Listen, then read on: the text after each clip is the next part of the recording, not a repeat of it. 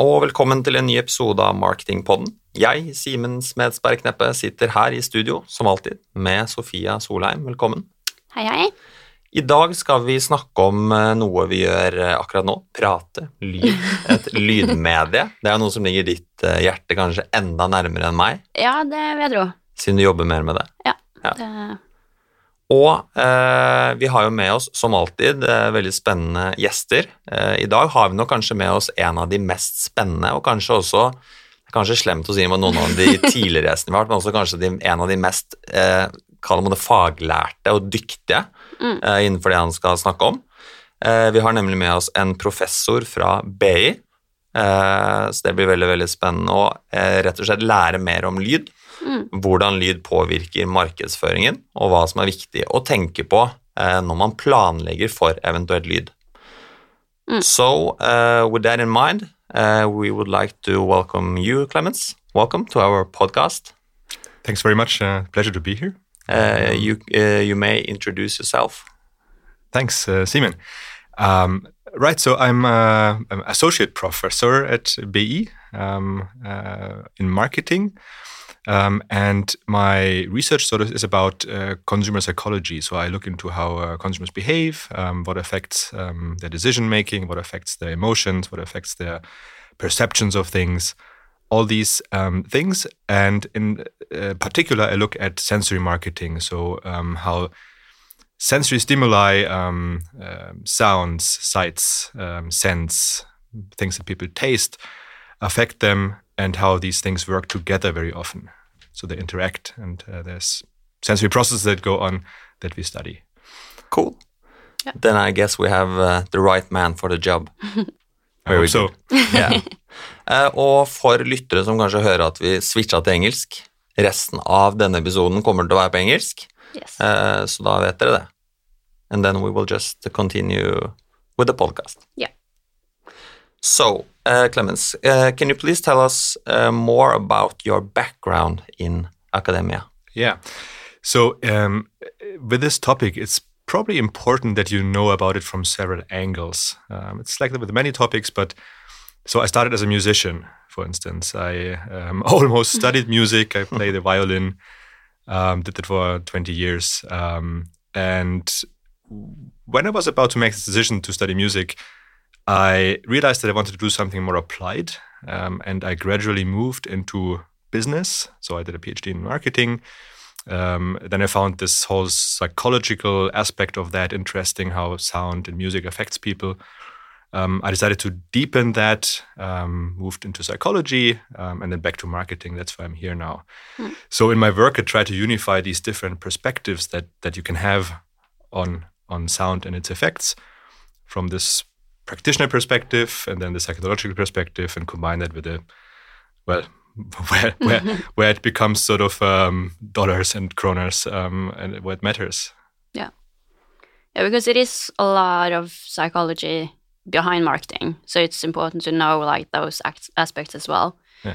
Uh, but you said you your mainly topic is sensory processors. How how does this influence consumers? And uh, yeah, can you tell us more about that research? Absolutely. So um, it affects them greatly, you could say. and um, why is that? Well, think about it. Everything you experience the whole day, from standing up to going to bed, and um, even while you sleep, while you dream, um, all these impressions you get are sensory. Um, every communication that a brand has with its customers or potential potential, potential customers is sensory in nature. You see something, you hear something, you touch products, you taste them um, in specific cases. Um, so I would say it's it's pretty important, um, and it's pretty important to understand the basics of that. Yeah. Not just how what specifically do you say in a in a visual medium, for instance, affects people, but the visual aspects of that.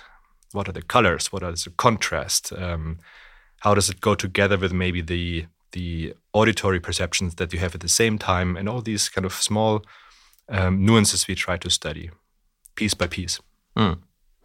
And uh, we have talked uh, a great about radio, we have talked about television, we have talked about social media. Uh, and how important would you say that sound is in this media mix? Uh, excellent question, and it is a big question. Um, so, um, just like many researchers, I would say it depends. Uh, there's no simple answer to that. Um, it will depend on on things like um, what category are you in, for instance. Are you do you have an intangible product, uh, one that you can't readily touch? Mm. Um, in that case, it might be more important to have something sonic to sort of underline the identity of that product or what it stands for, its characteristics. Uh, and we can talk about uh, that maybe later, how you Mm. might do that, how you might create a sound identity that conveys as much as possible these features. Mm. Um, I mentioned intangibles, but then, for instance, services are another thing where, where it's important to communicate via sound. Mm. Um, specific media channels might have more or less reliance on sound. Um, take TikTok, for instance. Um, sound TikTok is much more important than sound on Facebook. Mm. Facebook is a primarily visual medium. TikTok is a primarily auditory medium together with the visual Mm. dimension. People listen to music and they're open to sound Yeah. on that channel. Um, what's the benefits of having a sound identity? Uh, you talked about making a connection with the brand, and if you have like a non-tangible product, you can make that more visible. But how is there any other benefits uh, around it? I think there's indeed, mm, and I say this carefully because there is no strong academic support of that. It's hard to study that. Um, it's hard to take, for instance, a bunch of companies that have a sonic identity and a bunch of companies that don't have that, and then compare. Yeah. Um, that that sort of would be a big study. but sort of my intuition is that, um, and there's again piecemeal research that supports that. That once you have a sound identity, you're more consistent. So across channels, across communications, people will tend to recognize you better. Um, you become recognizable. Um, Yeah. When you are more recognizable, you become more differentiable. So you can sort of Yeah. sort of make yourself different from your competition.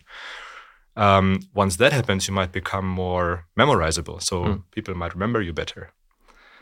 Um, now I have um, we- we've mentioned a couple of, of, of advantages, um, and then the final one would perhaps be that you can also convey specific um, expectations that people might have or should have, um, frame their their product experience um, in specific ways.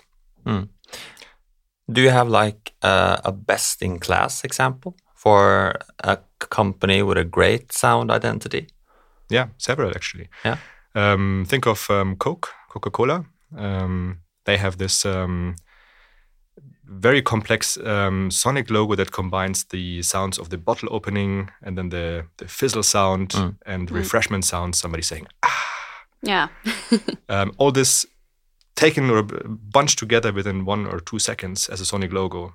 Um, and they expand on that sonic logo in their mm, advertising music, in their website music, and so on, um, to sort of uh, make this more complex Mm. um, and recognizable again. Mm. Another great example would be MasterCard. Um, that um, links to this uh, idea of intangibles or services. Uh, and MasterCard has um, established a sound identity in 2019, so it's Oh. pretty recent. Yeah. Yeah.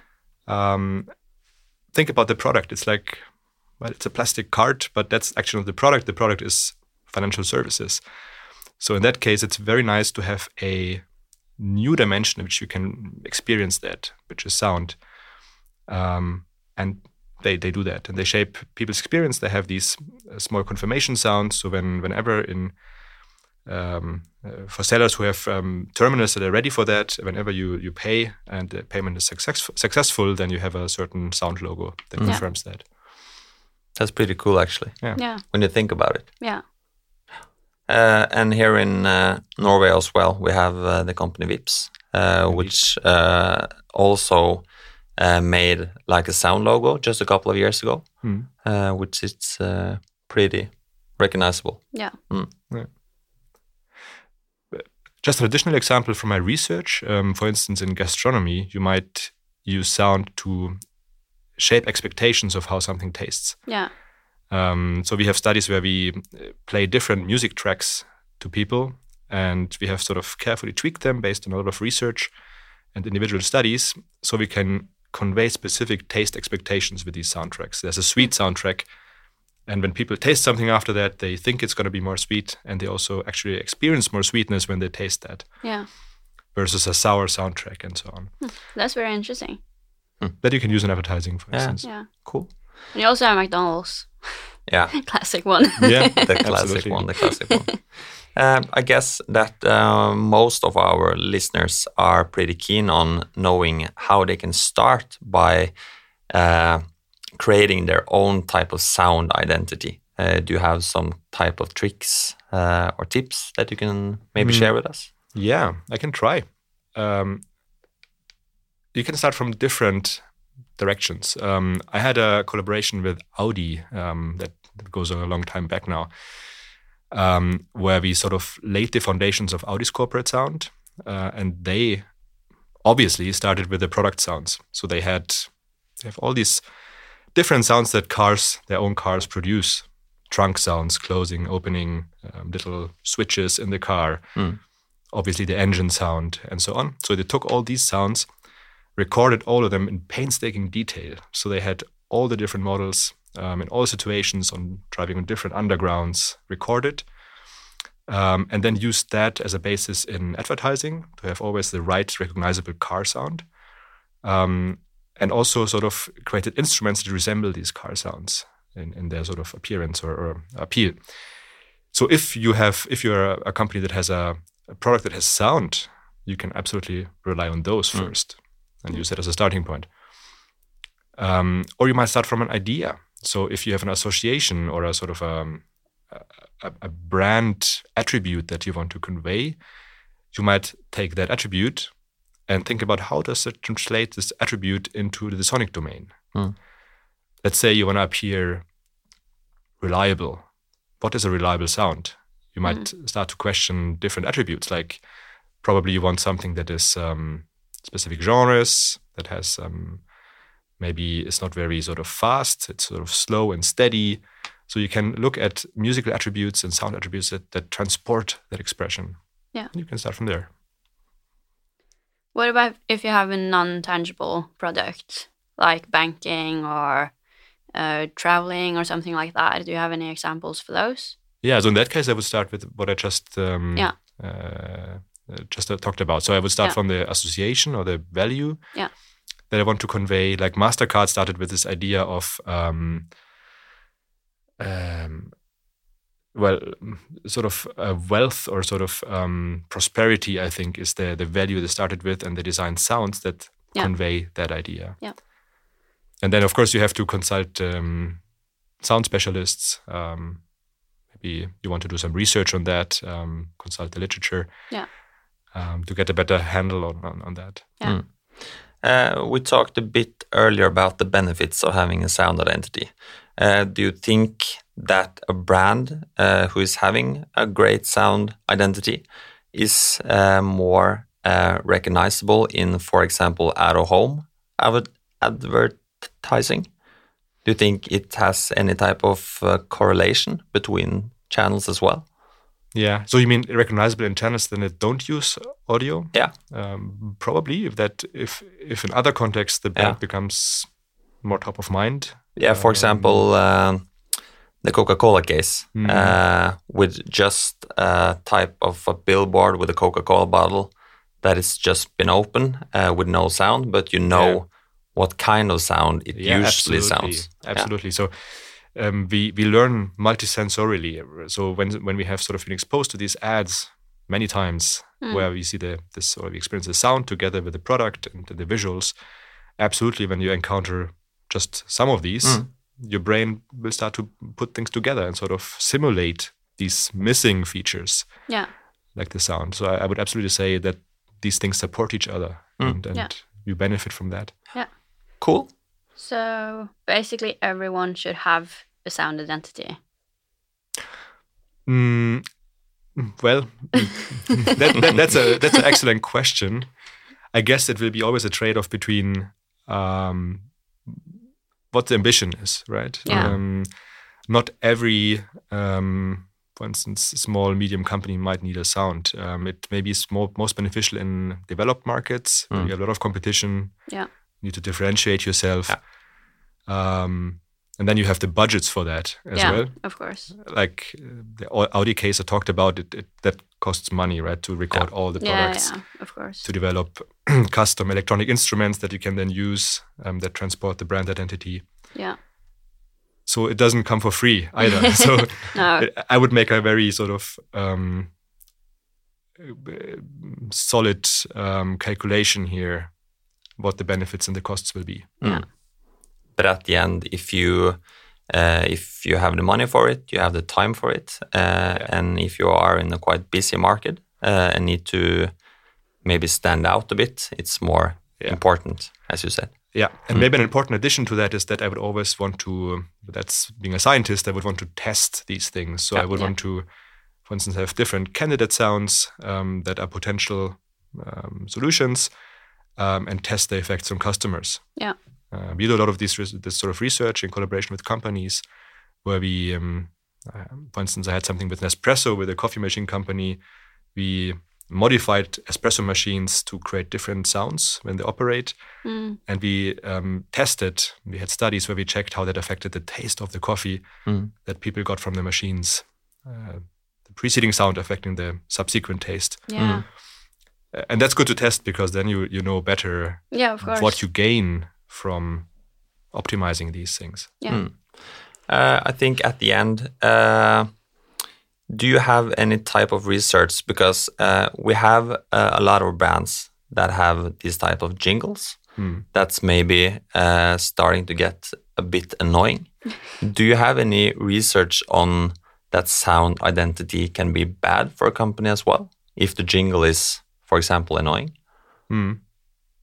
so see everything uh, like, if something is annoying it, it, it it's going to be annoying Yeah. Uh, like that's a platitude but um, so of course if if things are poorly designed then I, I don't think it's a good idea No. um, there's also this idea of sensory overload that Mm.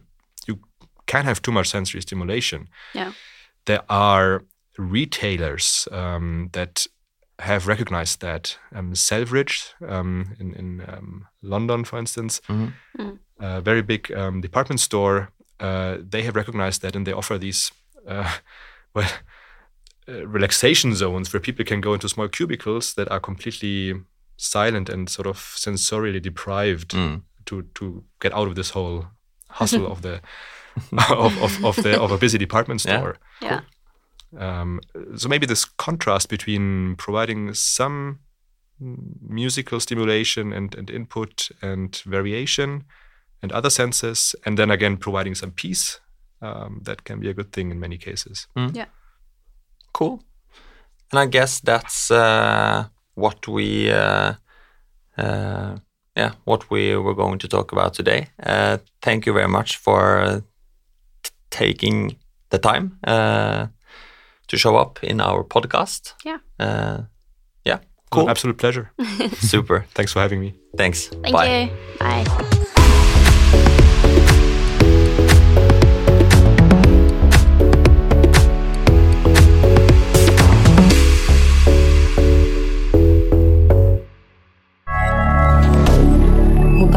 D'accord.